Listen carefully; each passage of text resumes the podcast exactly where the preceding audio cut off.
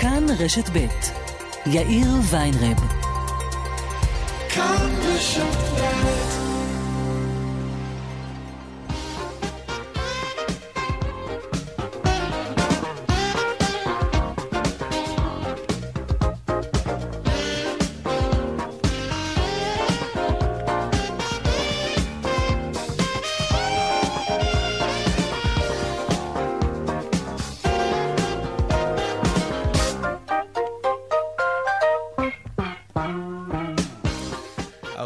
כמעט חמש דקות, כאן צבע הכסף ברשת ב', יום שני, שלום רב לכם, העורך רונן פולק, המפיקה סמדר טל עובד, טכנאי השידור הוא אילן אזולאי, הדועל שלנו, כסף, כרוכית, כאן.org.il, אני יאיר ויינרב, מעכשיו עד חמש, אנחנו מיד מתחילים.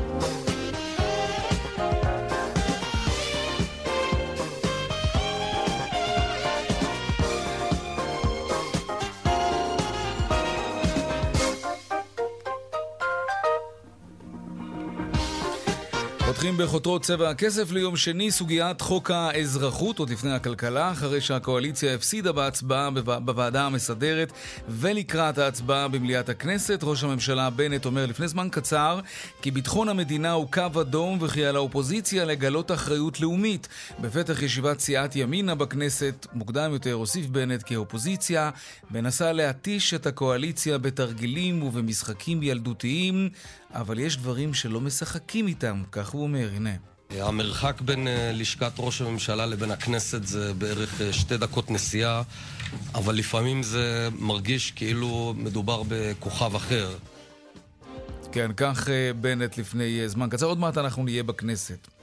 כלכלה, שר האוצר ליברמן אומר היום כי הוא מעוניין לשנות את אמות המידה למתן פטור מתשלום בעבור מעונות יום, לא עוד על פי מבחן הכנסה של ההורים, אלא לפי כושר ההשתכרות שלהם. במילים אחרות, מעונות לילדים מגיל אפס בחינם, רק להורים שעובדים במשרה מלאה. הנה דברים שאמר שר האוצר בכנס לשכת רואי החשבון באילת.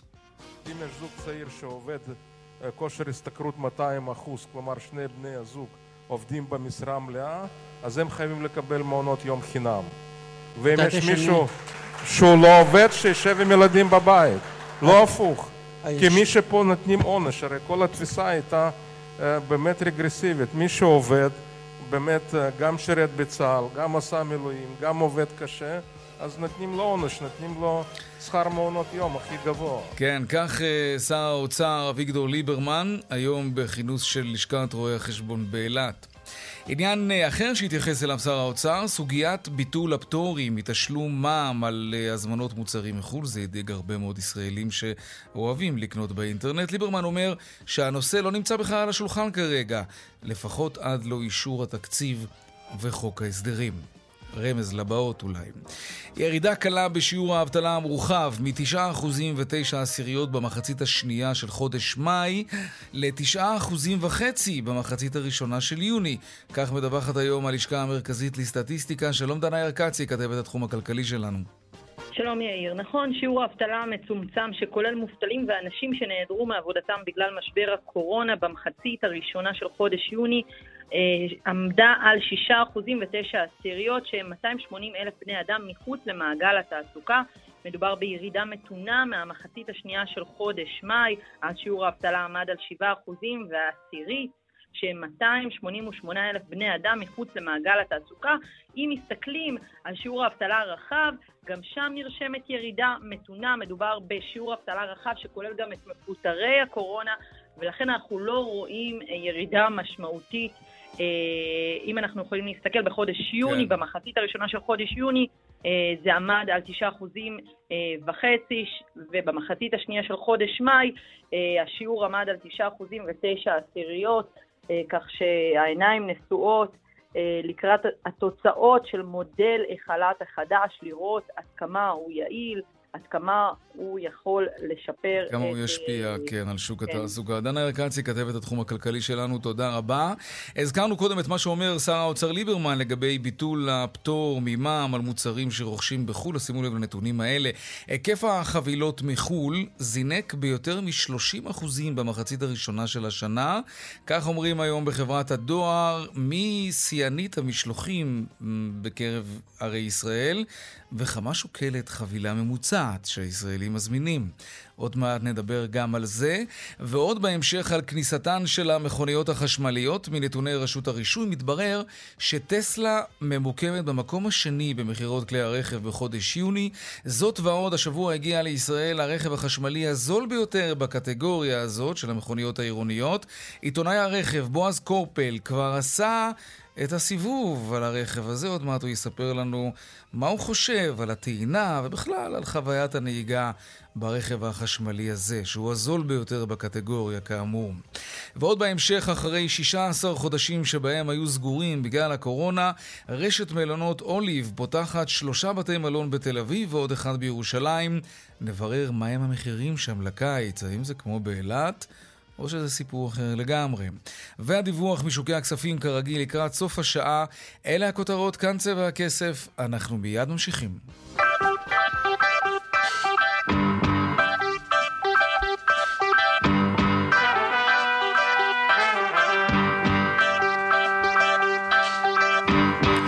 אז יום שני היום, כן, סיעות הכנסת מתכנסות, חוק האזרחות מחולל כצפוי. דרמה גדולה בין הקואליציה לאופוזיציה. שלום זאב קם, כתבנו בכנסת. שלום יאיר, אחר הצהריים uh, טובים. גם כן, לך. אתה מיטיב uh, כרגיל uh, לתאר את מה שקורה פה בכנסת. צריך להגיד אבל יאיר, אתה יודע, מאז שהושבעה הממשלה הזו, כל שבוע כן. הופך להיות uh, שבוע דרמטי. כן, כן, תראה, לא, לא שהיו חסרות דרמות קודם. בדיוק, נכון, וגם לפני זה בחירות וזה. כן, בקיצור, כן. אנחנו בשנתיים דרמטיות.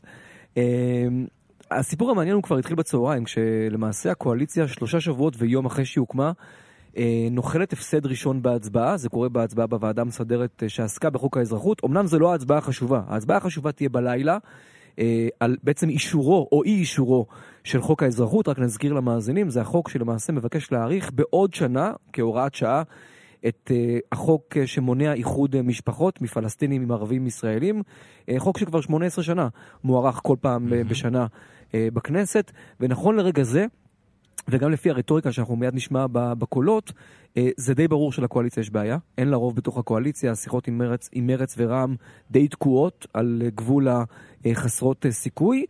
ואנחנו רואים עכשיו בעיקר את הפניות של כל ראשי הקואליציה לאופוזיציה, במילים אחרות, תצילו אותנו. לא- זה לא נאמר כמובן ככה, אומרים על אה, תגלו אחריות, אה, אל תפגעו בביטחון המדינה, אבל זה המסר. הנה ראש הממשלה נפתלי בנט בישיבת סיעת ימינה אומר בדיוק את הדבר הזה. הנה. אני אומר לחבריי באופוזיציה, יש דברים שלא משחקים איתם. ביטחון המדינה הוא קו אדום, והמדינה צריכה שליטה על מי נכנס אליה ומי מתאזרח בה. הכנסת אלפי פלסטינים ואזרוח שלהם ופגיעה בביטחון המדינה בשביל עוד איזה רבע נקודה פוליטית זה פשוט לא הדבר הנכון אה, לעשות. אנחנו מתקדמים, אנחנו נביא את החוק להצבעה ואנחנו נפעל בצורה ממלכתית לטובת ביטחון המדינה ולטובת כלל אזרחי מדינת ישראל. טוב, זה לא זוכה, זה זוכה למענה כמובן. נכון, בהחלט אה, מענה אפילו חריף אה, של האופוזיציה, ואתה יודע, יש באופוזיציה אנשים שאומרים דבר מאוד פשוט, ויש גם איזשהו צדק מסוים בדברים שלהם. הם אומרים, אם מדובר לא פחות מאשר ביטחון ישראל, איך הקמתם קואליציה שאין לה יכולת להסכים ולאשר מהלכים שהם כל כולם ביטחון ישראל? כלומר, אם בקואליציה אין רוב לשמור על ביטחון ישראל בגלל אה, מרץ או רע"מ, מה זה אומר על הקואליציה כן. ועל מה שהיא נשענת? הנה התשובה של אה, יושב ראש האופוזיציה בנימין אה, נתניהו, אה, שבעצם חוזר על ההצעה מלפני שבוע, חוק יסוד הגירה, תמורת הארכת חוק האזרחות. הנה. אנחנו הצענו לקואליציה פתרון ציוני פשוט. אמרנו להם, בואו נאריך בחודשיים את החוק הקיים ונעביר מיד, עוד היום, את חוק יסוד ההגירה בקריאה טרומית. הם סירבו. בנט רוצה ללכת עם, להרגיש בלי. הרי כדי להיות ראש ממשלה עם שישה מנדטים, בנט בישל דייסה. נתן למרץ, נתן לרע"מ, נתן ללפיד, נתן למפלגת העבודה, ולמי לא נשאר? לימין לא נשאר. טוב, חוק יסוד הגירה כמובן מפרק את הקואליציה, את הקואליציה של בנט. אה, למה אגב החוק הזה לא עבר בשנים עברו? חוק יסוד ההגירה, תראה, כן. צריך להגיד ביושר, הליכוד לא בדיוק קידם את החוק הזה. כלומר, היום הליכוד מפיל את זה על אחרים. הוא אומר, שרת המשפטים שקד מנעה את זה, כן. כחלון מנע את זה. אבל האמת היא, זה לא היה באמת בליבת האג'נדה או בליבת ניסיונות הקידום של חוקים אה, מצד הליכוד. היום יותר קל להם כי הם באופוזיציה לבוא ולהגיד, אנחנו רוצים, זה חשוב, בוא נעשה את זה, אפשר. אבל האמת היא, באופן אמיתי, הדבר הזה לא קודם כי לא עסקו בו יותר מדי במשך השנים. רק נגיד לסיום, לפי הייאוש על הפנים של איילת שקד, שראיתי אותה לפני כמה דקות, ופניהם של אנשי מרץ ורע"מ, זה מרגיש שלא רק שאין אפילו התחלה של פתרון, כבר לא מדברים בעצם אה, בניסיון למצוא פתרון, וזה די מעיד על מצבה של הקואליציה. הכל במקרה הזה, יאיר, תלוי באופוזיציה. כן, כך זה נראה. זאב קם, כתבנו בכנסת, אנחנו ממשיכים לעקוב אחרי הסיפור הדרמטי הזה. כן, אפשר לומר דרמטי. כן, כן, בהחלט. בהחלט אנחנו בעד דרמות. נכון. זאב קם, כתבנו בכנסת, תודה רבה. תודה, יאיר. כלכלה עכשיו. בענף המסעדות חוששים ממה שנמצא באוויר כבר כמה וכמה ימים, ולא, זה לא חוק האזרחות. האיום להחזיר את הגבלת ההתקהלות ואת התו הירוק אם רמת התחלואה תעלה. שלום אה, לך על השף, רן שמואלי, שלום. שלום, שלום. אתם באופן טבעי הנפגעים הראשונים, אם אנחנו נלך אחורה והמצב יידרדר ויאסרו על התקהלויות ויחזירו את התו הירוק, עליכם זה משפיע לא רק, אבל בעיקר עליכם באופן ישיר. אני מניח שאתם חוששים מאוד מהמהלך הזה. א', אני לא מסכים למונח באופן טבעי, אלא זה לא, לא קורה שום דבר באופן טבעי כאן, הכל קורה ב, ב, ב, בידי החלטות ובידי אנשים שמחליטים החלטות. Mm-hmm. כן, אנחנו אה, נפגעים, ונפגעים כבר שנה וחצי, וההתייחסות אלינו היא אה, לא פשוטה. מגדיר את זה באופן פוליטי נחמד. אני לא יכול להגיד לך שהשמחה שורה במעוננו בימים האלה. כן. אז תראה, השתמשתי במונח אה, באופן טבעי, כי אתה מבין שלהימנע מהתקהלויות, זה מה שמוריד את התחלואה, ראינו את זה בשנה וחצי האחרונות, וזה מה שמונע התפרצות והדבקות. אין פטנט אחר לצד חיסונים כמובן, אז, אז לצד הכעס, הזעם, התסכול, אה, יש גם הבנה שיכול מאוד להיות שלא תהיה ברירה? מה זה התקהלויות? התקהלות זה מה זה? זה קניות בסופר זו התקהלות? אה, ללכת לקופת חולים זו התקהלות? הרי אנחנו חיים מהתקהלויות. אין מה לעשות. אנחנו, הגיע הזמן שאנשים באמת יעשו החלטות אמיצות ויבינו שיש קורונה ויש שפעת ויש מיליון וירוסים אחרים שאנחנו חיים איתם, אנחנו צריכים לחיות איתם. תודה לאל לחיסונים, הקורונה פוגעת בצורה מינורית ואני רואה, אני מסתכל על נתונים, אני לא, אני רחוק מלהיות רופא, אני מבין בחביתות, אבל אה, אה, הקורונה היא חלק מהחיים שלנו, ואני צעקתי את זה אז, עוד לפני, כשזה רק התחיל, בשלושה חודשים הראשונים. אם לא נלמד לחיות עם זה, החיים ייפגעו. עכשיו, תקשיב, אנחנו סקטור שמעסיק מאות אלפי אנשים, זה לא צחוק, זה לא צחוק. כן. טוב, אתה יודע, בתחילת המשבר כשצעקת את זה, המציאות הייתה אחרת. היום, אולי אנחנו באמת באיזושהי נקודת זמן שאפשר לחיות עם זה, כי אנחנו נהנים מאיזושהי הגנה של עשרות אחוזים באמצעות החיסונים. אבל אז, נכון. אז, תראה, אני מזכיר לך יותר, כמעט 7,000 ישראלים מתו מהנגיף הזה. כמה אז... אנשים מתו משפעת באותה תקופה מקבילה לפני כן? עזוב, אנחנו לא ניכנס לוויכוח הזה. אני טוען שהייתה פה הגזמה פראית, והעובדה היא שאני לא היחידי שטוען את זה. עזוב, זה לא הוויכוח. אנחנו פה, ואנחנו כאן, ואנחנו בממשלה חדשה ורוח חדשה, ו- ואני מקווה שזאת תהיה רוח גבית, שתבין שהסקטור הזה הוא סקטור, מעבר לזה שהוא מקסים ורומנטי, הוא חלק מאוד מאוד חשוב בחיים שלנו. כן. אנחנו לא נלמד לחיות עם זה, אנחנו, אה, אנחנו נהרוס חלקים שלמים... אה, אה, בתחום הזה. ו... אתה יודע להגיד לא כמה יודע. מסעדות נסגרו בשנה וחצי האחרונות בגלל... אני לא יודע להגיד כמה מסעדות נסגרו, אני יודע שהמצב לא טוב. אני יודע, אני רוצה שנייה לשים את הדברים אה, אה, כן. במקום. יש לי מספיק עובדים, יש לי מספיק פרנסה, ואני מנהל עסק מרוויח. זה לא, זה, אני, לא אני, אני לא מתבכיין כאן בכלל. אני רוצה שיבינו שיש דרך, צריך לחשוב על איך ממשיכים הלאה. איך לסגור זה הכי קל. הרי כולנו יכולים לחיות בדירות שלנו ולא נחלה אף פעם, איזה יופי. מהמם, לא נצטרך מערכת בריאות בכלל. זה לא עובד ככה. אני מקווה שלא נגיד לא את זה. ככה. אגב, הסיוע שקיבלתם בסופו של דבר מהממשלה בשנה וחצי האחרונות, אמ, עזר לכם לשרוד? הסיוע עזר לחלק מהעסקיי, חלק מהעסקיי לא קיבלו מספיק, ונאלצתי להביא כסף מהבית, ולולא הייתי אה, חצי פולני, חצי יקה, שחונכתי לחסוך, אה, לא היה לי מאיפה להמשיך הלאה. תגיד, ושירותי האונליין, זה השירותים המקוונים, בטח מאוד השתכללו בתקופה האחרונה, לא? הם השתכללו, לא על העסקים שלי, משום שאני ניסיתי ונכוויתי. כן? לא הלך לי כל כך, בקלארו, שזו מסעדה שמגישה אוכל שבנוי על טריות ועל עונתיות, לא היה שום טעם להתחיל עם זה בכלל, זה לא אוכל שהיה שורד משלוחים. תגיד, משהו השתנה היום בחוויה, בחוויה של הסועדים, בשגרת העבודה של המסעדנים וצוות המסעדות, או שהכל בעצם חזר להיות ממש כמו שהיה לפני קורונה? לא, ממש לא חזר להיות מה שהיה לפני לא? קורונה. א', קשה יותר להשיג עובדים.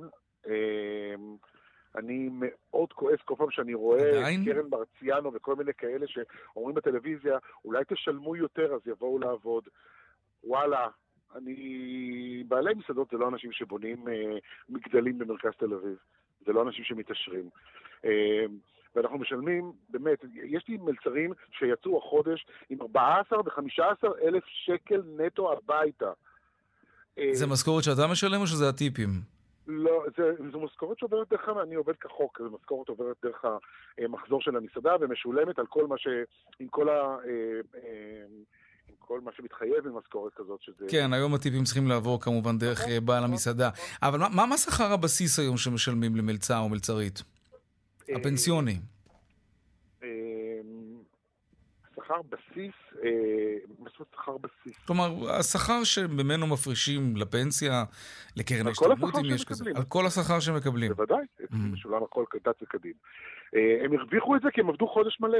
זה מקצוע מקסים, זה מקצוע שהם עובדים בו משרה מלאה. אלה הסכומים שהולכים איתם הביתה. אז שאף אחד לא יבלבל לי במוח שזה תלוי כסף. אבל זה עדיין זה לא- קשה למצוא עובדים, אתה, אתה מציין כאן משכורות שהן בהחלט מכובדות. מודל החל"ת נגמר ועדיין אתה לא מצליח לגייס עובדים? אני מצליח לגייס עובדים, ואמרתי שוב, אני בסוגריים, יש לי מספיק עובדים. אני יודע מספיק, אני תמיד אשמח לעוד, טבחים חסרים. אני חושב שיש פה משהו הרבה יותר גדול, והמשהו הרבה יותר גדול הזה הוא אה, אה, העובדה שאנשים לא מוכנים לעבוד עבודת כפיים יותר. גם בחקלאות, גם בתיירות וגם במסעדנות. ופה יש, אני חושב שצריך לשבת ובכובד ראש לחשוב איך משנים את העניין הזה. הרי אה, אה, אני חושב שבשנה הראשונה שמישהו מצטרף אלינו, למשפחה של עובדי הכפיים, שהוא אה, אה, צריך אולי לא לשלם מס הכנסה, אולי לקבל הטבות, תעזרו לנו. אם המדינה הזאת, אם לא יהיו לה עובדי כפיים, כל המתעשרי הייטק לא יהיה להם על מה להוציא את הכסף. כמה מרצדסים אתה חושב שצריך לקנות? לא יהיה על מה להוציא את הכסף, באמת, אנחנו, תגיד. אנחנו לא נהיה כאן, לא יהיה לנו שום, לא יהיו פה חיים. רן, באותה נשימה, אחרי שאנחנו מדברים על כל הקשיים האלו והאתגרים, ולך תדע גם מה יקרה, אה, אה, לא מעט מדברים גם על העלאת אה, המחירים במסעדות. זה משהו שעשית כבר? אתה מתכוון לעשות? אני לא מתכוון לצאת אה, ב... ב... אתה יודע, אני לא מתכוון מתאריך מסוים להעלות מחירים. לא. אני עוקב אחרי העלויות שלנו, אנחנו דואגים עד כמה שאפשר להתייעל כדי לא להעמיס את זה על הסועד. אני לעומת זאת לא מנהל מלכ"ר. אני כן רוצה להרוויח ולכסות את השקעתי, ושיהיה לי מספיק כסף כדי uh, לקנות ציוד חדש, או כדי uh, לתקן מזגנים, כי יש התחממות גלובלית, ועוד המון המון המון פריטים uh, שמסעדה מורכבת מהם. אז שאף אחד לא ית- יתייפייף. אם העל- העלויות יעלו, המחירים יעלו גם כן. זה? לא עניין של התייפייפות, זה עניין של החשש מהאווירה הציבורית. גם ככה הציבור עצבני על המלונאים, ותראה את? יצרני המזון שפתאום לקחו צעד אחורה ומפחדים להעלות מחירים. אני, מניח אבל שזה הם- משפיע אבל גם הם עליך. יפשטו את רגלם, או שיירשמו כמלכ"רים. מה? למה מעלים את מחירי המים עכשיו? למה מעלים את מחירי המים? למה מעלים מחירי דלק כל פעם? מישהו שואל אותם במדינה הזאת, למה מעלים מחירי דלק? טוב, זו תשובה יותר פשוטה מאשר המים. למה? אה, עניין מה? של ביקוש. לא. ככל שספקיות כי הנפט עובדות יותר קשה, הן גובות יותר מחיר. שלו. מה? לא, כי המוצר בעולם, הדלק עולה, הדלק עולה, ולכן גובים יותר מה- מה- מהלקוחות, מה, זה ברור, נכון? כן, כן, כן. זה מה שקורה במסעדנות, זה נורא פשוט. חומרי הגלם עולים, ההובלה לארץ עולה. אני שילמתי על כוס עשרה שקלים, ושלשום הודיעו לי שהיא מהיום 14 שקלים. אז מה? אז זה חייב להתגלגל, אתה. אומר. חייב. אני לא, אני לא מתעשר, תאמינו לי, שמאזן אה, בוחן, או מאזן דוח רווח והפסד של מסעדה, הוא לא כזה מרשים. צריך לעבוד לא? נורא מה- נורא מהו. הרווח השולי של מסעדה היום ממוצעת בישראל? אני חושב שמי שעובד טוב יכול להרוויח בין 8 ל-15 אחוז גג. צריך לקחת בחשבון שהרווח הזה כולל בקרבו את השחיקה העצומה של כל הציוד שמסעדה אה, חובה. אה, זה עסק שמעביר המון אנשים ביום עם שבר גדול ושחיקה גדולה. אני לא בוכה, אנחנו בסדר. אנחנו רוצים להמשיך להיות בסדר כדי שכולנו נחייך. גם הסועדים וגם אנחנו כאלה שעושים מאמץ על שכולם ייהנו. רן שמואלי, השף רן שמואלי, תודה רבה לך על השיחה הזאת. אמן, תודה לכם. להתראות, בהצלחה. בריאות. טוב, שר האוצר ליברמן אומר כי אה, מעונות מגיל אפס בחינם יינתנו רק לילדים שההורים שלהם עובדים במשרה מלאה. הורים שלא עובדים במשרה מלאה לא ייהנו ממימון מעונות היום. שלום יערה מן, מנהלת תחום כלכלה וחברה בקרן ברל כצנלסון, שלום לך. שלום. מה דעתך על הכיוון הזה של שר האוצר? אוקיי, אז תראה, קודם כל, אה, צריך להגיד שמדינת ישראל היום משקיעה סכום זעום זעום ביותר בסבסוד המסגרות לגיל הרך. גם מי שנהנה מסבסוד לא מקבל בחינם, אלא במחיר נמוך. הן משרתות בסך הכל רבע מהתינוקות והפעוטות במדינה. אז קודם כל הייתי מאוד שמחה לשמוע את שר האוצר מתחייב להגדלה דרמטית של ההשקעה הציבורית, להרחבה של השירות הזה, לשיפור של השירות החשוב הזה, שיגיע ליותר ילדים, במקום עכשיו להתעסק ולקחת את זה את הזכאות מילדים שכבר נמצאים בתוך המערכת, שהם לא רבים. אני חושב שזה מה שהוא עושה. הוא אומר, תאים משפחתיים שבהם אם ואב עובדים במשרה מלאה, ייהנו ממימון מלא, אפס שקלים על מעונות היום. נפלא, זאת הרחבה אדירה. אז קודם כל, זאת הרחבה אדירה של לפחות, לפחות 7 מיליארד שקל, לא כולל בינוי. ואני אשמח לראות את זה בתקציב הקרוב, ואני אופתע mm-hmm. מאוד, אבל אשמח מאוד לראות הרחבה כזאת בתקציב הקרוב. אוקיי. Okay. אז זה נתחיל מזה. אה, אבל גם במקרה כזה, תראה, במדינה מתוקנת חינוך חינם לגיל הרך הוא זכות בסיסית של כל ילד, בלי קשר למי הם ההורים שלו. אני מוכנה לדבר על קצבאות מיוחדות לאברכים ועל הטבות ועל איך מתמרצים אה, חרדים ואוכלוסיות אחרות אה, להשתתף בשוק העבודה, אבל את הילדים צריך להשאיר אה, מחוץ לדיון הזה, זה השלב הכי, הכי, הכי חשוב להתפתחות שלהם, לעתיד שלהם, יש על זה אינספור מחקרים, ובעצם כשאתה אומר אה, אמירה כמו זאת שליברמן אומר, אז אתה מעניש את הילדים כדי לתמרץ את ההורים אה, לצאת לעבודה. יש דרכים הרבה יותר טובות לעשות את זה, אה, גם בלי לפגוע בילדים שגם ככה נולדים כי... ל... כמו שאת אומרת, הרעיון הוא בעצם לעודד אנשים לצאת לעבוד, להגדיל את התוצר, לדרבן אה, אנשים לפתח קריירה, להשתכר יותר, לאפשר למגזרים מסוימים לצאת ממעגל העוני, הזכרת קודם את המגזר החרדי. את יודעת מה, אולי גם לעודד תכנון נכון יותר של משפחה. אי אפשר להתעלם מהדברים הטובים שמהלך כזה ידחוף אליהם. אני חושבת שיש דרכים אה, נוספות לעודד אה, יציאה לשוק העבודה.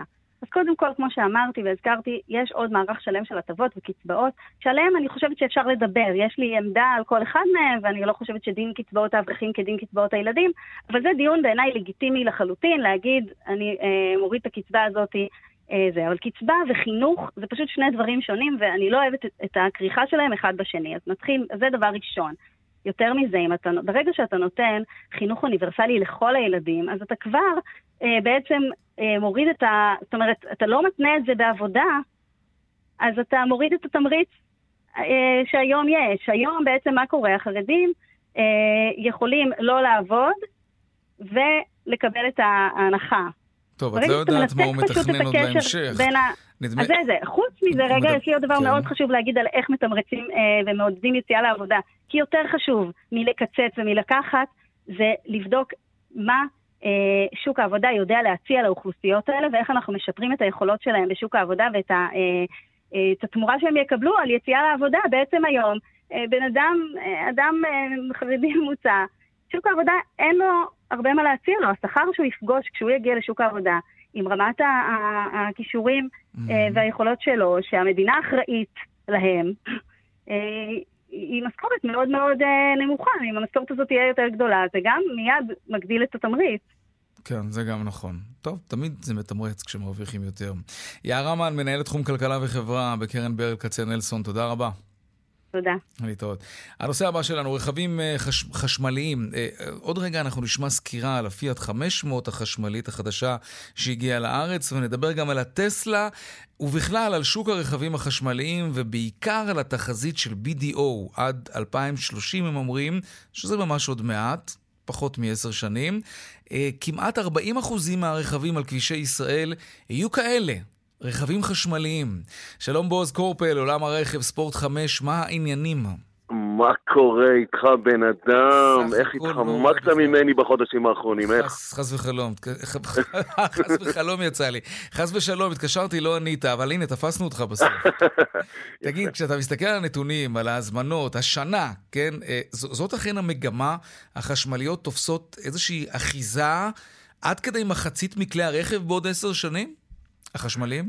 המציאות אה, כנראה תוכיח שזה באמת מה שיקרה מפאת הנסיבות העולמיות, ולאו דווקא כי הישראלים אה, מתנפלים על החשמליות. תראה, יש עלייה במכירה של המכוניות החשמליות, ומי שנמצא כאן אה, באזור גוש דן רואה טסלות כאילו שזו המכונית שבאמת הייתה חסרה כאן, ואנשים קונים רק את הטסלה. ואפילו החודש הייתה, החודש שעבר ליתר דיוק, הייתה מכונית שעלתה במספר הגבוה ביותר של מכוניות על כבישי ישראל, בפעם הראשונה שמכונית חשמלית כובשת את הבכורה.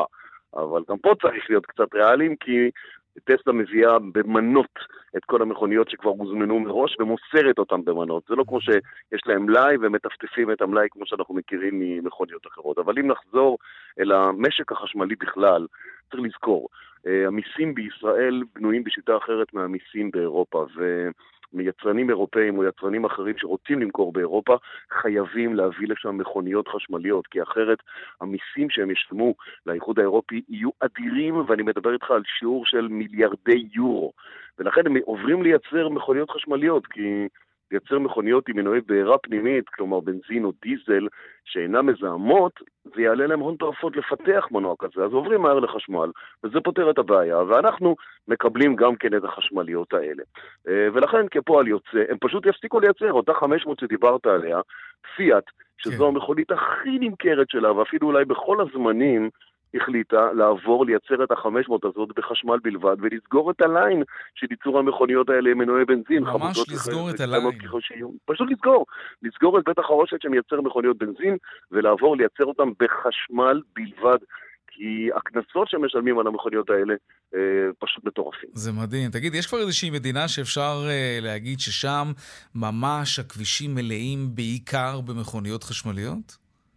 כן, אנחנו רואים את העידוד בעיקר בסקנדינביה, נורבגיה היא ללא ספק המדינה החשמלית אה, המובילה באירופה. זה משפיע העדפה... באמת על איכות האוויר, כלומר כשבאים ובודקים, אז באמת יש פחות זיהום כש... כשהכבישים מלאים במכוניות מהסוג הזה? תשמע, לא צריך להיות uh, מדען חלל. מה קרה כאן בקורונה כשהיינו בסגר אחד או שניים? כן, נכון. והתנועה בכביש פחתה. מיד uh, האוויר הפך להיות נקי יותר, וראינו את זה. אז ככל... טוב, אז זה כי כולנו לא נסענו, אבל אם כולנו ניסע ביום אחד על מכוניות שאינן מזהמות, אז התוצאה תהיה דומה, ושרת התחבורה הנכנסת כבר היא קבעה יעד עד 2050, לא תהיינה מכוניות מזהמות בישראל. היא אמרה, אני לא. אבל uh, תראה, הקרב כרגע העולמי הוא בין טכנולוגיית המימן, שזה אומר שאתה מייצר את החשמל board על המכונית, לבין הסוללות.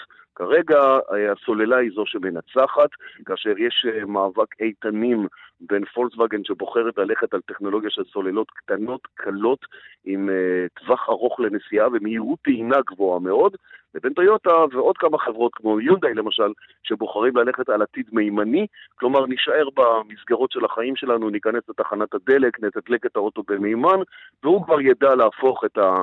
את המימן הזה לחשמל שיניע את המנוע של המכונית. אבל המכונית עצמה תהיה חשמלית ולא מזהם. טוב, ספר לנו קצת על הפיאט 500, על החוויה. עשית נסיעת מבחן. נכון, אני עדיין נמצא עם המכונית הזאת, אה, ואתה שומע שאני מחייך ואני מחייך, כי אה, מדובר במכונית באמת, באמת מתוקה וחמודה, שמגיעה לכאן בכמה רמות גימור. כאשר אה, המכונית... מכונית קטנה ובאמת יפה, אתה יודע, יש בה, יש בה רמת נחשקות בעיצוב שלה, שמאוד מרכך את העניין הזה של ה... חולי ההגה שאוהבים את התחושות המוטוריות של המנוע המזמזם, של העברת ההילוכים וכל זה, באמת יכולים לשים את זה בצד לטובת חוויית העיצוב והנסיעה במכונית הזאת. Okay. אוקיי. טווח הנסיעה שלה יכול להגיע ל-350 קילומטר, אם התנהגנו יפה עם הסוללה והיינו עדינים איתה. Mm-hmm. היא מאובזרת בכל הטכנולוגיה ואפילו ברמת בטיחות מאוד מאוד אה, טובה, אבל הקלף החזק ביותר שלה זה העיצוב, והמחירים שלה אחי, זה מתחיל ב-100 אלף שקלים, והיא מתהדרת במכונית חשמלית זולה, אבל שם הטווח דווקא קטן, 190 קילומטר, ומגיעה עד למכונית שאני נוסע בה בהדגמה, 155 אלף שקלים. מי שירצה את האוטו הזה, באמת ירצה, יצטרך לרצות את המכונית הזאת. כרגע אין להם מי יודע כמה מתחרות, אולי המיני החשמלית היא המתחרה שלה, שתיהן מכוניות פוש כאלה, נורא יפהפיות ואופנתיות. היא כמו, אתה יודע, זה כמו שאומר לך, בוא לאיזשהו מקום, אני מביא תיק, אתה מביא תיק של לואי ויטון. שנינו שמו להם בהם את אותו, את אותה מגבת ובקבוק מים לים, אבל פתאום אתה מגיע עם תיק של לואי ויטון או משהו בסטייל הזה, זה העניין. אני רוצה לשאול אותך, ככה לקחת טיפה אחורה בשיחה, אם צריכת הדלק בעולם תרד באופן דרמטי, בגלל המעבר לחשמל, כמו שאנחנו רואים באירופה, וכמו שסיפרת לנו מה קורה שם ליצרנים שממשיכים לייצר מנועי בנזין, יכול להיות שייווצר מצב שהביקוש לדלקים כל כך יצנח, עד שהוא אה, יהיה אפילו אתה יודע מה, יותר זול מחשמל, ואז דווקא הרכבים ההיברידיים יהיו יותר חסכוניים אפילו מה, מה, מהרכבים החשמליים? התשובה היא בפירוש כן. Uh, על פי סקר ומאמר שאני פרסמתי לאחרונה, בשנת 2026 עלות הייצור של מכונית חשמלית תהיה זולה יותר מעלות הייצור של מכונית בנזין. ואז זה גם יטה את הכף והמחירים של מכוניות החשמל, החשמליות, אה, המחירים ירדו למטה, והביקוש, שיישאר כנראה אותו ביקוש, אה, כולם יזרמו למקום הזה של החשמל. היצרנים עובדים כדי לייצר גם רמה מסוימת של נחשקות שתפצה על העניין הזה, אבל בדיבור על הבנזין, תראה מה עושים כרגע במדינות המפרץ, הם מרגישים את, ה, את הדבר הזה שהולך ומתקרב אליהם, וערב הסעודית עוברת היום מהשקעה בבארות נפט ודברים כאלה להשקעה במים, גם בהתפלה של מים וגם נכון. של מימן, כי הם מבינים שהדבר הבא זה מימן, ולכן הם הולכים אל המקומות האלה. אה, תראה, זה לא ייעלם לגמרי, יאיר, עדיין צריך את זה להובלה ימית, לתעופה, לתעשייה ולעוד הרבה דברים אחרים, אבל בשוק הרכב עצמו, זה כנראה נגמר. עד שהתחומים האלה יעברו גם כן חשמול. בועז קורפל, עיתונאי הרכב, עולם הרכב, ערוץ הספורט, תודה רבה לך. כרגיל. הנה, תפסת אותי בזמן, איזה כיף, ביי ביי. הצלחנו. להתראות. טוב, אה, באופן טבעי, דיווחי תנועה.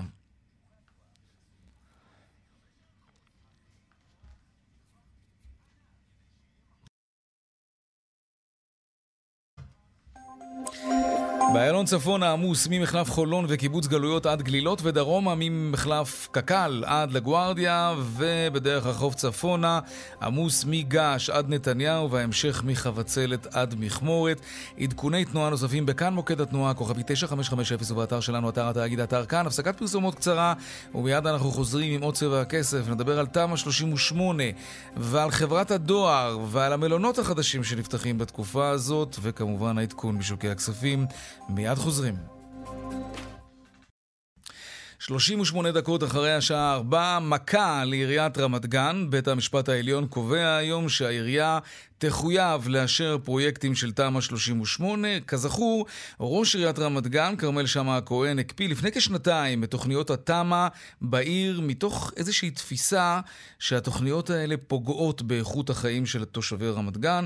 המשמעות של ההחלטה היום, העירייה תצטרך לדון בעשרות בקשות שנתקעו בשנתיים האלה בצנרת. שלום ראול סרוגו, נשיא התאחדות הקבלנים. שלום, אחר הצהריים. צריך אה, להגיד, זו עתירה שלכם בנושא הזה, ובית המשפט קיבל אותה. לא, מה שקרה, אנחנו זכינו בעתירה במחוזי, אה, ראש עיריית רמת גן או עיריית רמת גן ערערה, והערעור שלה נדחה בעליון. אוקיי. Okay. טוב, אני, אני מניח שאתם הקבלנים מרוצים, כי לכם זה מספק כמובן עבודה, ואתם גם מאמינים בהתחדשות עירונית. מצד שני, אי אפשר להתעלם מהטיעונים של אה, ראש עיריית רמת גן, כרמל שאמה הכהן, בשנתיים האחרונות. הרי מה הוא אמר? אתם לוקחים בניין ישן עם שלוש קומות, בונים עליו עוד שלוש קומות, מכפילים את מספר התושבים לא רק בבניין אחד ברחוב, אלא בכמה בניינים ברחוב. זה יוצר עומס על הביוב, על התשתיות, על גני הילדים.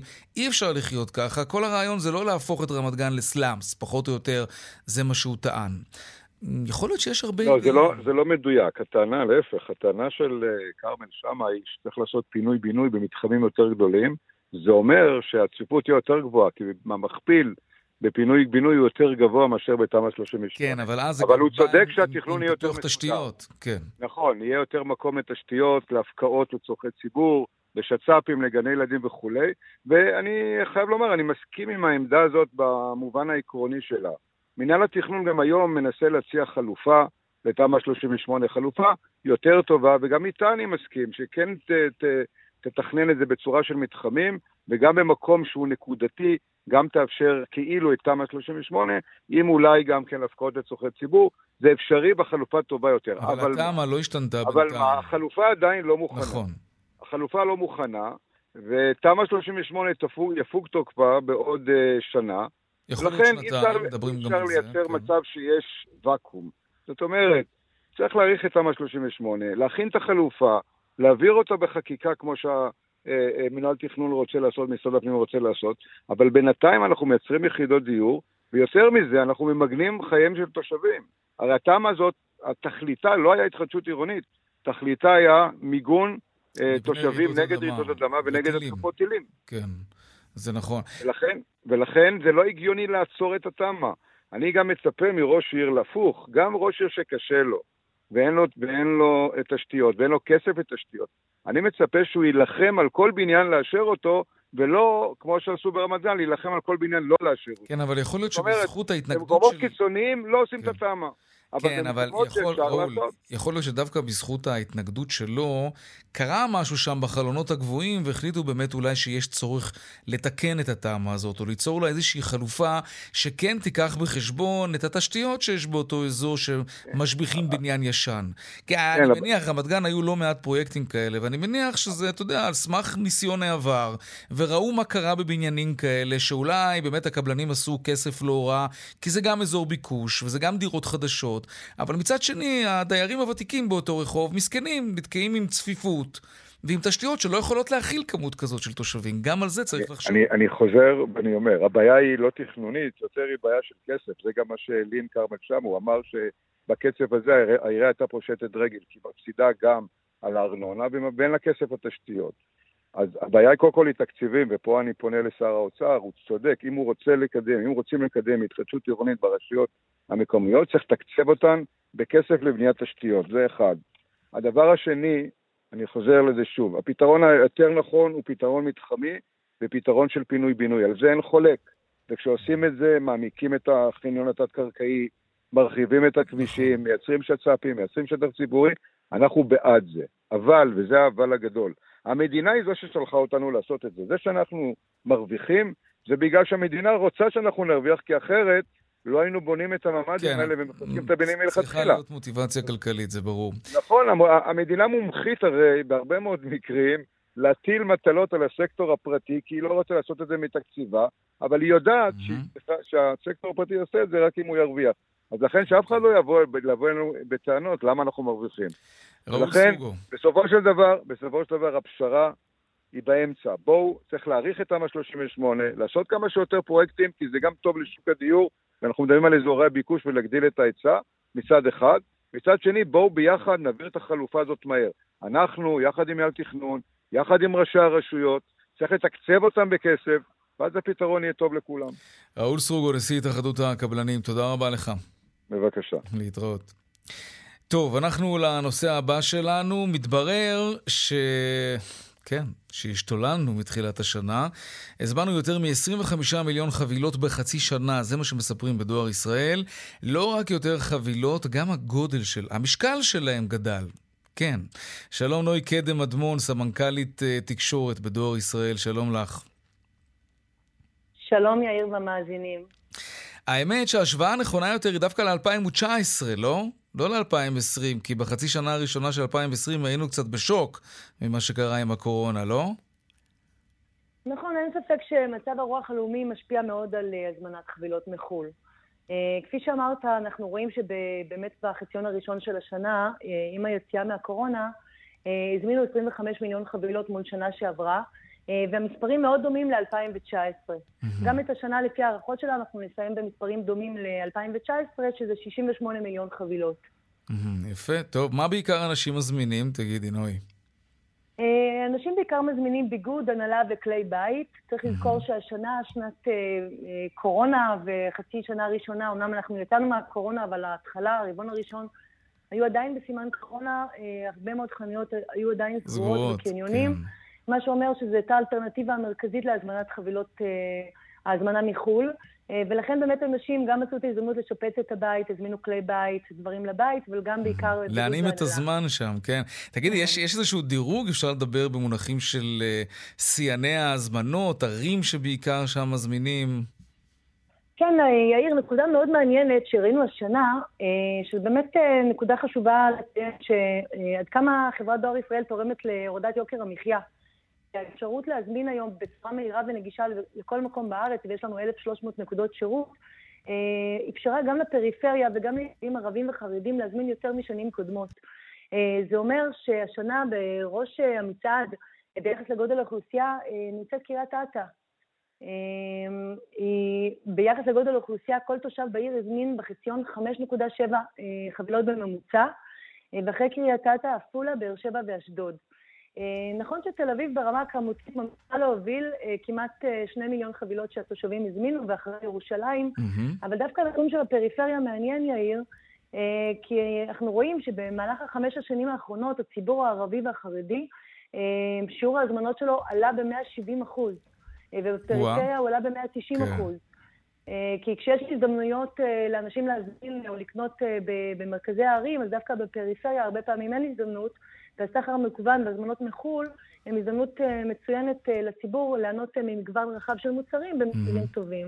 תגידי, הזכרת באמת 1,300 נקודות חלוקה, אני מניח שאת לא מתכוונת רק למרכזי החלוקה של הדואר, אלא גם לאותן חנויות שמשמשות בעצם כמרכזי חלוקה לציבור, נכון? נכון. אחד הדברים שעשינו בשנים האחרונות, באמת כדי להוריד את העומסים מיחידות הדואר, פתחנו קרוב ל-700 מרכזי מסירת חבילות בשיתוף עסקים קטנים אה, ורשתות. אה, זה מהלך שהצליח מאוד. אבל אה, חבילות לא הולכות לאיבוד, כי אותם בעלי חנויות לא מחויבים, את יודעת, הם לא מקבלים כסף על זה, לפי מה שהבנתי, אלא הם. החנויות מנצלות את זה שאנשים כבר ייכנסו, אז אולי גם יקנו משהו, אבל האחריות כלפי החבילה... זה לא, זה לא כמו שעובד דואר מחויב לחבילה הזאת, ולפעמים, את יודעת, גם מחוויה אישית, אני נכנס לאיזה חנות מכולת, אני לא רוצה להגיד לך באיזה תנאים החבילות האלה מוחזקות שם, אז אה, זה לא נעים. וגם, וגם חבילות הולכות לאיבוד, אני מניח שיש לכם סטטיסטיקה כזאת, לא? אז, אז בואו נדייק כמה דברים. ראשית, אנחנו כן משלמים לכל בעל עסק. אה, מתוך 25 מיליון חבילות שמסרנו בחציון, מעל 13 מיליון, למעלה מחצי נמסרו באמצעות אותם עסקים קטנים. בתקופת הקורונה אותם עסקים אה, ממש התפרנסו מהדואר. Mm-hmm. אנחנו משלמים אה, על כל חבילה שנמסרת. והאינטרס של אותו בעל עסק זה למסור חבילה, וכן, גם לקבל traffic חדש אה, מלקוחות אה, שמגיעים לקחת חבילה. אבל חבילות לא הולכות לאיבוד ככה, נוי? אה, לא. לא? בוא נתחיל קודם כל לנתץ את הסטיגמה הזאת שחבילות הולכות לאיבוד. 99.9% מכלל החבילות מגיע. Mm. מאחר ומדובר במספרים גדולים, כן, יכול להיות בשוליים שיש חבילות שהולכות לאיבוד. אה, ואנחנו מטפלים בזה, ואנחנו עושים בקרות, וצריך לזכור שגם מול הפלטפורמות הבינלאומיות אנחנו מחויבים, ואנחנו נמדדים ונבדקים, כך שאנחנו משתפרים כל הזמן, יאיר. נוי קדם אדמון, סמנכ"לית תקשורת בדואר ישראל, תודה רבה. תודה רבה, שערב טוב. להתראות. דיווחי תנועה. בדרך החוף לכיוון צפון עמוס מגעש עד נתניהו, ובהמשך מחבצלת עד מכמורת, ובדרך שש צפון עמוס מנשרים עד בן שמן, ומקסם עד אייל, ומעירון עד יוקנעם עילית. עדכוני תנועה נוספים בכאן מוקד התנועה, כוכבי 9550, ובאתר שלנו, אתר תאגיד אתר כאן. הפסקת פרסומות קצרה, ומיד אנחנו חוזרים. שמונה דקות לפני השעה חמש, אילת וים המלח, המלונות שם הם לא דוגמה. במקומות אחרים, רבים בארץ, המלונות לא מתמלאים, כי הם יותר תלויים בתיירים מחו"ל, ירושלים, תל אביב, נצרת ועוד. כל עוד אין תיירים, המצב שם לא ישתנה דרמטית. שלום עופר חיות, מנכ"ל רשת המלונות אוליב ורימונים, שלום לך. היי, יאיר, צהריים טובים. אתם לא נמצאים באזורי הביקוש אילת וים המלח, ובכל זאת אתם פותחים את המלונות שלכם עכשיו, בימים האלה ממש. כן, תקשיב, כמה אפשר לחכות? אנחנו כבר שנה וחצי. אז uh, אתה יודע, בהתחלה אמרו שיפתחו בראשון ליולי את הטיסות, אחרי זה כן. דחו לראשון לאוגוסט. אמרנו, בסדר, זה הזמן, לא נחכה. ייקח זמן, ייקח זמן שתיירים יגיעו. אז מי כן יגיע אם לא תיירים מחו"ל? כי נראה שכולם נוהרים דרומה. כן, אבל גם בדרום יש אה, איזושהי capacity שנגמר. לא, אין, נכון. אה, אין סוף ואין חו"ל, אז אנחנו מצפים שה... שהיתרה, אתה יודע, תעבור למרכז ולירושלים, אין מה אוקיי, לעשות. אז איפה אתם פותחים? גם אם זה עודפים זה בסדר, לא אכפת לנו. אוקיי, טוב שלא אמרת כן. פירורים. תגיד רגע, אבל אה, אוקיי, אז איפה המלונות שלכם נמצאים, ומה המחירים? תכלס יש לנו פריסה ארצית, אבל אנחנו כרגע מדברים בעיקר על אה, מלונות תל אביב-ירושלים, שהחלטנו באמת לפתוח מיד אחרי תשעה באב. שזה המחירים הם מאוד מאוד הגיוניים, כאילו ממש ברמה כזאת של תל אביב שב-500 שקל, 480 שקל ללילה אפשר לקחת מלון אה, על, ממש על החוף, על הירקון, mm. וליהנות שיגמרו המדוזות, אבל זה ייגמר. עכשיו, בקיץ, 400-500 שקל כן, ללילה? כן, כן, בירושלים 400... בן אדם לזוג? לא, לא, זה לזוג. לזוג. לזוג. Okay. אוקיי. ובירושלים זה גם, זה 450 שקל, יש לנו מלון בוטיק קטן ממש במרכז העיר, ב-450 שקל, גם בסוף שבוע לזוג. טוב, תשמע, כאילו, זה, זה מחירים הגיוניים. מה עוד חוץ ממחירים, איך עוד מפתים את הישראלים להגיע אליכם ולא רק לשם, לאילת, ים המלח? אה, תראה, במלונות אה, תל אביב וירושלים אין ממש פעילויות, זה, זה מלון בלבד, אין שם פעילויות. הפעילויות שלנו הן בעיקר במלונות הנופש, שהן בצפון, שהן בגליל מערבי שיש לנו מלונות, בגלבוע, בכנרת, שם אנחנו נותנים ממש פעילויות של בידור של ילדים, של אומנים, של... תגיד, עובדים הצלחת לגייס כדי לפתוח את המלונות? כי... בקושי רב. באמת? גם אחרי שמעתי את הרעיון של רן שמואלי. נכון. זה לא מסעדה, זה...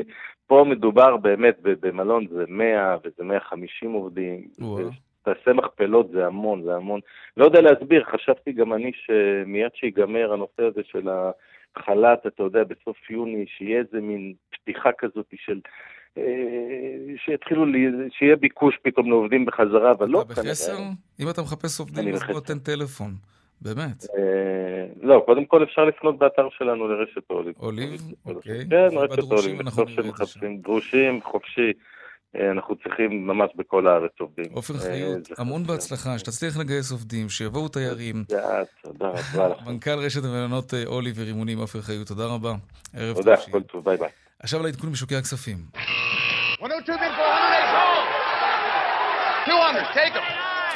שלום תמיר שפירא, מנכ"ל איילין קרנות נאמנות. מה קורה בשווקים? שלום יאיר. Uh, היום מגמה מעורבת עם uh, נטייה לעליות שערים בבורסה בתל אביב על רקע אווירה חיובית בסוף השבוע בארצות הברית. למעשה ארצות הברית יש לנו סוף שבוע ארוך, היום לא יתקיים מסחר בארצות הברית לרגל יום העצמאות האמריקאי, ובתל אביב, תל אביב 35, תל אביב 125 נסחרים כרגע ללא שינוי, מדד תל אביב 90 רושם עלייה של כרבע אחוז, גם בשוק איגרות החוב, היום יש לנו יום ירוק, מדדי הטלבונד רושמים עלייה של כעשירית האחוז. הדולר נחלש מעט מול השקל, שהרוע היציג נקבע על 3.26 שקלים לדולר. אה, ואם אנחנו ככה רוצים קצת לדבר על ארצות הברית... לא נספיק אז... כבר לצערי. לא? לא. אוקיי. תודה רבה, תמיר רק אני אציין שהם שוברים שם שיאים, זה מה שחשוב. אז אנחנו תכף נעקוב. תמיר שפירא, מנכ"ל איילין קרנות נאמנות, תודה רבה לך. עד כאן, צבע הכסף ליום שני העורך רונן פולק, המפיקה סמדארטה לובץ, יהיה בהכנה שמעון דוקרקר, טכנאי השידור אילן אזולאי, במוקד התנועה אהוד כהן, הדואל שלנו כסף, כרוכית כאן, נקודה אור, נקודה אייל, מיד אחרינו שלי וגואטה, אני יאיר ויינרב, שלום שלום.